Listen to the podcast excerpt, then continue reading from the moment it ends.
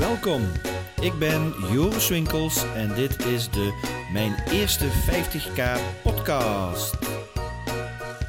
Een podcast met informatie en inspiratie voor het verluidend opzetten van jouw business.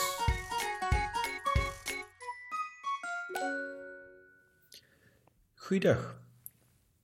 In deze podcast wil ik het uh, met jullie hebben over uh, mentorschap. Um, ik ben zelf nu 20 jaar ondernemer, uh, ongeveer. En eigenlijk vanaf het eerste jaar um, heb ik me één keer per jaar, één keer per twee jaar, twee keer per jaar um, laten mentoren, coachen uh, door mensen waar, um, ja, die ik, um, waar ik tegen opkeek of waarvan ik zag van poeh, die zijn uh, een heel ander niveau dan dat ik zit. En de eerste mentor coach, uh, dat was een, een directeur van een bedrijf die ja, vele, vele, vele malen groter waren dan uh, dat mijn uh, bedrijfje was met een paar medewerkers. Um, en ondanks dat zeg maar, de strategieën uh, die hij me leerde um, in het business doen, dat die geschikt waren en geschreven waren voor grote bedrijven, ondanks dat heb ik daar ontzettend veel van geleerd. Uh, zo leerde ik bijvoorbeeld in uh, mijn eerste jaar of tweede jaar van ondernemerschap uh, wat een business balance scorecard was die zij gebruikten om nieuwe fabrieken in het buitenland onder andere te openen en complete fabrieken aan te sturen. Ja, en daar zat ik dan met een paar mensen personeel. Maar de gedachtegang van zo'n balance scorecard ja, heeft me zoveel gebracht toen. Um, en ondanks dat ik um, uit een ondernemersgezin kwam en uh, uh, graag heel hard werkte en ook heel gedreven was om hard te werken en uh, goede dingen neer te zetten, um, ja, heeft toch dat, dat stukje begeleiding van een mentor of een coach me elke keer weer uh, heel veel gebracht.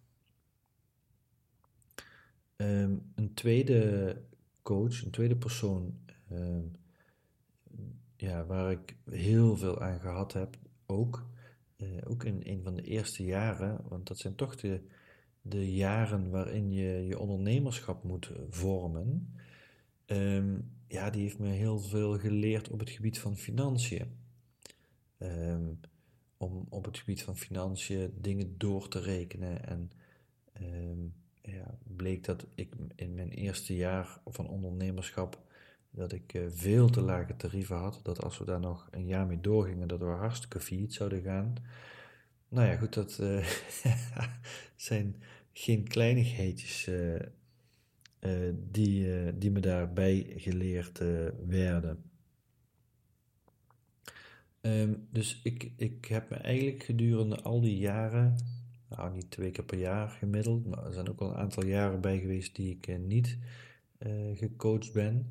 Maar um, ik, ja, in ieder geval door ook heel veel verschillende coaches en mentoren. mentoren. Waarom? Omdat ik het gaaf vind ook om ja, van veel verschillende mensen te leren daarin. Uh, als ik bijvoorbeeld kijk naar de coaches, uh, toen ik op een gegeven moment een coachopleiding gedaan had, toen heb ik me meteen daarna heb ik me een hele periode laten coachen door een coach in Zuid-Afrika. En ook echt een topper. Gewoon omdat ik natuurlijk ik had die opleiding wel gedaan en ik vond ook nog wel dat ik het eigenlijk heel goed kon, dat ik daar uh, wel een talent voor had. En toch um, ja, was het één heel goed voor mijn eigen verdere ontwikkeling, om me natuurlijk inhoudelijk te laten coachen op een aantal uh, dingen die ik belangrijk vond. Maar ook twee, uh, het tweede punt is, ik, ik nu nog steeds, zeg maar tien jaar later, heb ik nog steeds die herinneringen van die verschillende coaches. En onder andere deze coach. Um, hoe zij dat deed en met welke energie ze elke keer die sessies opende en hoe ze dat afsloot. En ja, dat deed ze gewoon heel anders dan ik. En ook heel anders dan alle mensen die ik meegemaakt had en de uh, peer coaches natuurlijk die wij ook in een opleiding wel hadden.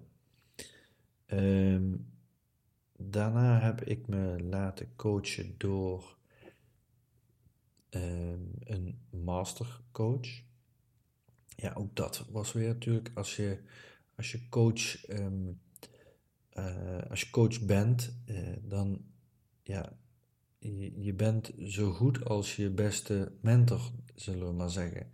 Uh, dus ehm, je kunt heel veel uit jezelf halen en uit jezelf ontwikkelen. Ehm, maar het moment dat je je door iemand laat begeleiden, hè, zoals ik toen deed door zo'n mastercoach, ja, dat was gewoon super gaaf. Uh, in dit geval had ik gekozen voor uh, Mark Steinberg zelf, die uh, ook de eigenaar of de auteur van de opleiding was.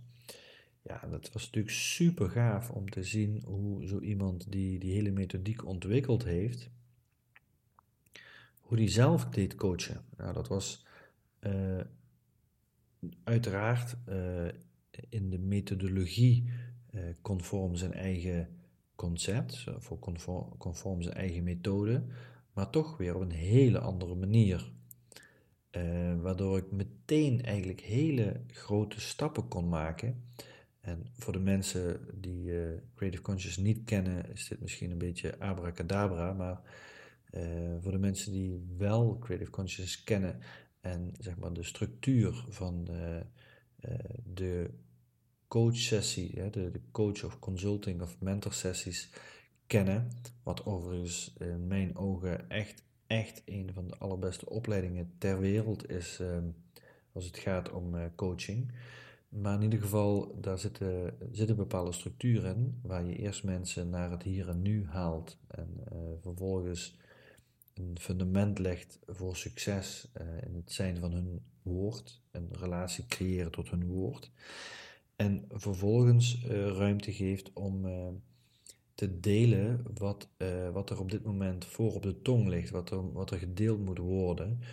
Um, en die sectie wordt eigenlijk in de opleiding gebruikt om ervoor te zorgen dat iemand niet met een heleboel verhaal een sessie ingaat, omdat dat verhaal dan in de weg zit en dat de hele tijd in een sessie tussendoor komt of er, er eh, de, behoefte heeft om eruit te komen. Uh, maar ondanks dat ik dat geleerd had om, en om daarna pas naar een, uh, een doelstelling voor een coachsessie te gaan en daarna pas echt de diepte in te gaan, uh, zag ik dat Mark Steinberg zelf daar op een hele flexibele manier mee omging. En ja, toen vatte ik ook van oké, dit is een, uh, een methodiek. Die methodiek die moet je je eigen maken. Maar hoe je hem toepast, dat gaat natuurlijk in een steeds breder scala aan uh, mogelijkheden. En nou ja, bijna elke keer pikte die uit die sectie 3, die eigenlijk was om alleen maar te delen, daar pikte die dingen uit waarin hij dan luisterde naar mijn overtuiging, waarmee ik dat uh, inbracht. En daar pikte hij al dingen uit die hij meteen daarna oppikte. En ja, eigenlijk was een paar minuten later was ik uh, bij mijn eerste grote doorbraak. Dus um, het, het uurtarief wat hij toen vroeg, wat uh, nu eigenlijk, wat ik toen veel vond overigens, maar wat ik nu denk van, oh ja, dat, daar zou ik het zelf niet meer voor doen.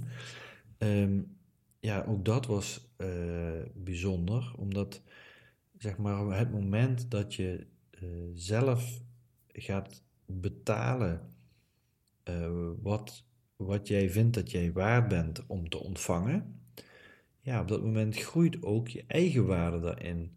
En uh, werd ook meteen voor mezelf werd het makkelijker om andere bedragen te gaan vragen. Ehm, ja, dus ik denk dat als ik uh, kijk naar mijn eigen uh, verleden, heb ik me zowel op inhoud uh, als op context, op ondernemerschap laten coachen. En uiteraard ook het belangrijk punt wat ik in elke coaching meegenomen heb, is de, de werk-privé-balans. Um, ja, en um, ja, bij mij is dus een heel breed scala geweest. Dus ik zou jou ook eens willen vragen. Kijk eens om je heen. Kijk eens wat voor mensen heb je om je heen. Uh, welke mensen denk je dat de juiste zijn om uh, een mentorrol te hebben? En het kan ook best zijn inderdaad dat het een oom is of, uh, of iemand in een vriendenkring die ondernemer is. en waar het gewoon super gaaf is om één keer in de twee weken een kop koffie mee te gaan drinken. En dus even te kijken van hoe doet iemand dat in zijn bedrijf en, uh, en te delen hoe jij je bedrijf aan het opzetten bent. Ja, daar kun je ontzettend veel van leren. Um, dus ja, één, je bent nu naar deze podcast aan het luisteren. Dus ik ga ervan uit dat je al sowieso heel goed bezig bent met het uh, verwerken van informatie om een topondernemer te worden. En twee, uh, ja, vergeet niet om uh, het juiste team om je heen te verzamelen van coaches of mentoren, uh, zodat je zeg maar ook in de allerbeste positie gebracht wordt om daarin succesvol te worden. Ben je product, zeggen we ook wel eens.